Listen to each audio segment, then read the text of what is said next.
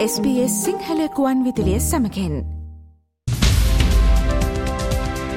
මවබිමින් පුවත් ඔස්ට්‍රේලියාවේ අද උදැස්ස නවද විට ශ්‍ර ලංකාවෙන් වාර්තාාවන ප්‍රධානතම පුවත් කිහිපය මෙන්න. අද නොවැම්බර් මාසෙ තිස්වනිදා ශ්‍රී ලංකාවේ සිදුවීම් දෙස මෞබිමෙන් පුවත් විශේෂාන්ගේෙන් අදත් අපි අවධානයමු කරන්න සූදානම්. ශ්‍රී ලංකාවේ පාර්ලිමේන්තුවේදී දෙදස් විසි හතර සඳහා වන අයවැලේඛනයේ කාරක සභාවස්ථා විවාදය පැවැත්වුණ. විවාදය ක්‍රියාත්මක වන අතරතුරේ බන්දුළු ගුණවර්ධන අමාත්‍යවරයා විජිත හේරත් ජාතික ජන බලවේගේ පාර්ලිමේන්තු මන්ත්‍රීවරයා උදාහරණයට අරගෙන යම් ප්‍රකාශයක් සිද්ධ කලා අවසාන වශයෙන් බඳුළු ගුණවර්ධන ඇමතිවරයා සඳහන් කළේ මොන ක්‍රියාමාර්ග ගන්නවා කියලා කිව්වත් මොනවා කියනවා කියලා කිව්වත් අනාගතේ රටට ආදායම් ලැබෙන ක්‍රමයක් ආදායම් ලැබෙන මාර්ගයක් දේශපාලන පක්ෂ හෝ දේශපාලනකින් හඳුන්වලා නැහැ කියලා. මේ පිළිබඳව අදහස් දක්වපු බඳුළු ගුණවර්ධන අමාත්‍යවරයා.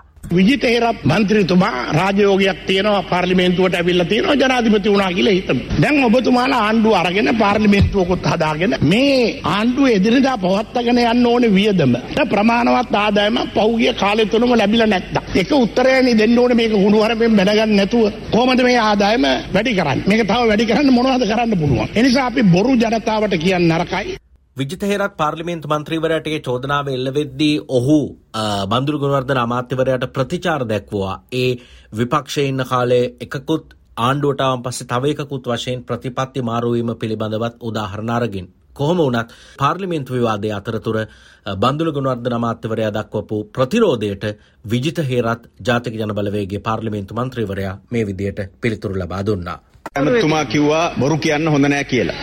ඇත්ත බොරු කියන්න හොඳ නෑ. රුපියල් 2500කින් ජීවත් වෙන්න පුළුවන් වගේ ලෝක බොරුවක් කියන්න ආයෙනම් ඒ જાතිය බොරුවක් කියන්න එපා. ඇත්තටම ඔබතුමා කිව්වා මට රාජෝගයක් තිබිලා බලයටපත් වුණොත් මේ දේම තමයි කරන්න වෙන්නේ කියලා. ඉතින් මම ඔබතුමා ජේෂ්ඨ ඇමතිවරයෙක් മന്ത്രിවරයෙක් විදිහට මේ පාර්ලිමේන්තුවේ දීර්ඝ කාලයක් හිටියා. ඉතින් මට මතකයි ඔබතුමා විපක්ෂයේ ඉන්නකොට කියපු දේවල්. එදා විපක්ෂයේ ඉන්නකොට ඉන්ධනවල බදු අඩු කරොත් මෙච්චර ලාභ ගන්න පුළුවන්, මෙච්චර ප්‍රමාණයෙන් අඩු කරන්න පුළුවන් කියලා ඔබතුමා විපක්ෂයේ ඉඳලා එක විදිහකට ආර්ථික විද්‍යාවේ උණ්ඩුකු පුච්ච න්‍යාය විග්‍රහ කරා. ඔබතුමා ආණ්ඩුවට ගියාම අද ඒ ආර්ථික විද්‍යාවම අනිත් පැත්තට ඒ උණ්ඩුකු පුච්ච න්‍යාය විග්‍රහ කරනවා. මට කියන්න තියෙන ඔබතුමාට රාජෝගයේ කෙසේ වෙතත් ඔබතුමාට මුණ දෙන්න දීලා තියෙන්නේ දෛව යෝගය. ඒ දෛව යෝගය අනුව ඔබතුමා මෙහි ඉන්නකොට එකක් කියනවා. ඔය ඉන්නකොට තව එකක් කියනවා. ඔබතුමාගේ ආර්ථික විද්‍යාව එදා ගුරුවරයෙක් විදිහට උගන්වපු ආර්ථික විද්‍යාවයි අද මේ කියන එකයි ගත්තම ඉතිහාසයේ දෛව යෝගයකට මුණ දීලා තියෙන බව නම් පේනවා.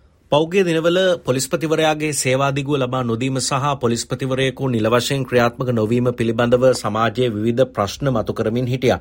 කොමුණත් ඒවාට යම් ආකාරයෙන් පිළිතුරක් ලබා දෙමින් ඊයේ දවසේ වැඩ බලන පොලිස්පතිවරයෙක් පත් කරන්න රජය තීරණය කරලා තිබුණා. ඒ අනුව ජ්‍යෙෂ්ඨ නියෝජ්‍ය පොලිස්පති දේශබන්දු තෙන්නකෝන් මහතා වැඩ බලන පොලිස්පතිවරයා විදිහට පත් වෙලා තියෙනවා. ජනාධිපතිවරයාට තියෙන බලතල අනුව ඒ අනුව ඊයේ දවසේ ඉඳලා මාස 3ක කාලයක් සඳහා බලපැවැත්වෙන පරිදි තමයි ජේෂ්ඨ නියෝජ්‍ය පොලිස්පති දේශබන්දු තෙන්නකෝන් වැඩ බලන පොලිස්පතිවරයා විදිහට පත් කරලා තියෙන්නේ කොහොම වුණත් අද දවසේ පත්වීම් බහර ගැනීමෙන් අනතුරුව ආශිර්වාද ලබා ගන්න ගංගාරාම විහාරස්ථානය වෙත ජේෂ්ඨ නියෝජ්‍ය පොලිස්පති දේශබන්දු තෙන්නකෝන් මහතා එම නැත්නම් වැඩ බලන වර්තමාන පොලිස්පතිවරයා ආශිර්වාද ලබා ගන්න ගංගාරාම විහාරස්ථානයට ආවා.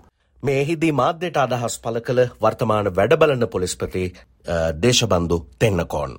මගේ ප්‍රමුඛතා ලැයිස්තුවේ පළවෙනි එක තියෙන්නේ ජාතික ආරක්ෂාව සම්බන්ධයෙන් අපි කරන කාර්යයන් ඒකට විශේෂයෙන් අපි උනන්දුවක් දක්වන්න ඕන. දෙවැනි මගේ ප්‍රමුඛතාවය තමයි රටේ මද්ද්‍රව්‍ය තත්ත්වය තුරන් කිරීම සම්බන්ධව. විශේෂයෙන්ම අපි කවුරුත් දන්නවා අද ගන්ධනම් වල ඒ වගේම පාසල් දරුවන්ටත් විශාල ගැටලුවක් වෙලා තියෙන මේ හැමතැනම පැතිරලා තියෙන මද්ද්‍රව්‍ය ඒ සම්බන්ධයෙන් ලොකු ප්‍රමුඛතාවයක් සහ මගේ වැඩපිළිවෙලක් තියෙනවා. ඒ සම්බන්ධව මම ක්‍රියාත්මක කරන්න බලාපොරොත්තු වෙනවා. එක් සංවිධානාත්මක අපරාධ වලින් ඇති වෙලා තියෙන තර්ජනය කප්පන් වගේ දේවල් සම්බන්ධව ක්‍රියා කරන්න බලාපොරොත්තු වෙනවා. ඒවා තමයි මගේ ප්‍රමුඛතා ලැයිස්තුවේ ඉහළිම තියෙන්නේ.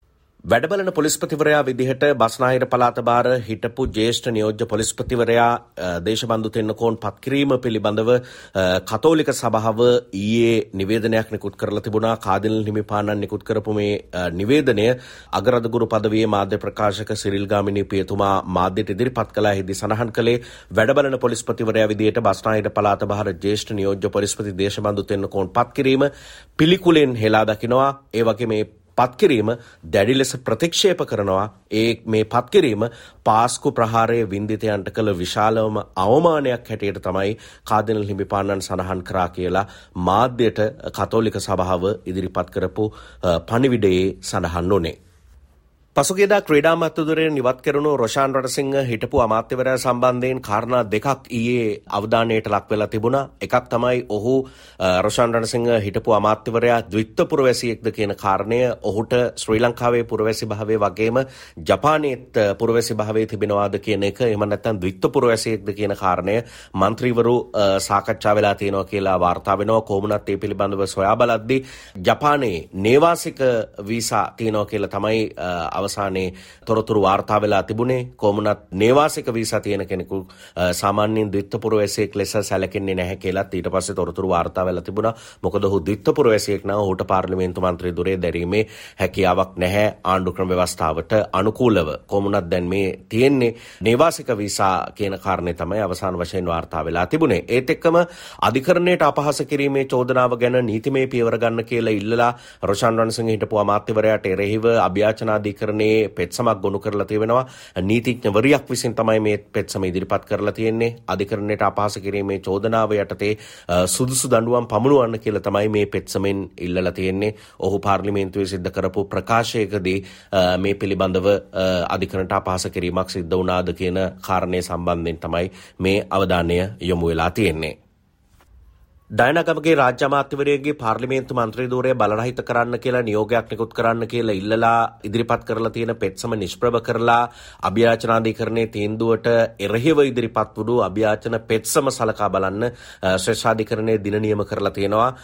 ඕෂල හේරත් කියන සමාජ ක්‍රියාකාරිකයා තමයි මේ පෙත්සම ඉදිරිපත් කරලා තිබුණේ. ඊයේ දවසේ මේ පෙත්සම කැඳවපු අවස්ථාවේ මේ පෙත්සම සලකා බලන්න ලබන ජනවාරි 8 වෙනිදාට දින දීලා තියෙනවා. එදාට මේ පෙත්සම කැඳවන්න විනිසුරු මඩුල්ල තීරණය කර කරලා තියෙනවා. ඩයනගමගේ රාජ්‍ය අමාත්‍යවරිය බ්‍රිතාන්‍ය පුරවැසි භාවයේ හිමි තැනැත්තෙක් නිසා ඇයට ලංකාවේ පාර්ලිමේන්තු මන්ත්‍රී දුරයක් දරන්න සුදුසුකම් නෑ කියලා තීන්දුවක් ලබා දෙන්න කියලා ඉල්ලලා තමයි මේ පෙත්සම ඉදිරිපත් කරලා තිබුණේ.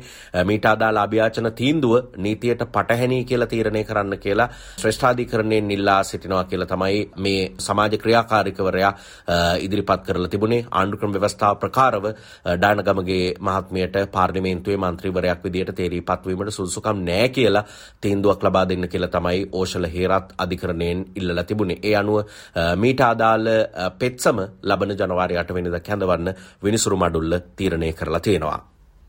මහනුවර රජමාලිකාවට සිද්ධ වුණු ආක්‍රමණ ඇතුළේ අතීතයේදී පැහැරගෙන ගිහිල්ලා තියෙන කෞතුක බහණ්ඩ හයක් යළිත් නෙදර්ලන්තේ ඉඳලා ලංකාවට අරගෙන ඇවිල්ලා තියෙනවා.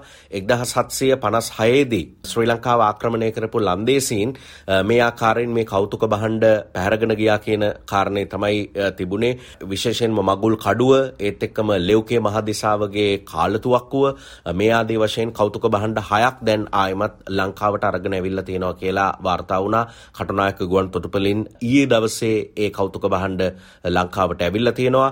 මේ කෞතුක බහණ්ඩ බාරගන්න ගන්න විශේභාර අමාත්‍යවරයා විදුරෙක්ව නායක අමාත්‍යවරයා ශ්‍රී ලංකාවේ නෙදර්ලන්ත තානාපතිනිය ඇතුළු පිරිසක් කටුනායක ගුවන්තොටුපළට ඇවිල්ලා තිබෙනවා. ඒ අනුව 1756 දී විතර නෙදර්ලන්තයට අරගෙන ගිය කෞතුක භාණ්ඩ තමයි නැවතත් ඊයේ ශ්‍රී ලංකාවට ඒ අතරින් භාණ්ඩ හයක් රැගෙන එන්න කටයුතු කරලා තිබුණේ.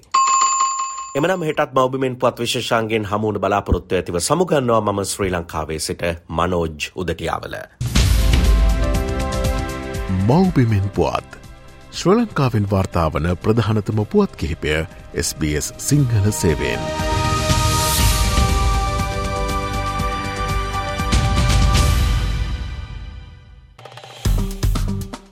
ලයි කරන්න ෂයා කරන්න අදහස් ප්‍රකාශ කරන්න SBS සිංහල ෆස්බුක් පිටුව ෆලෝ කරන්න.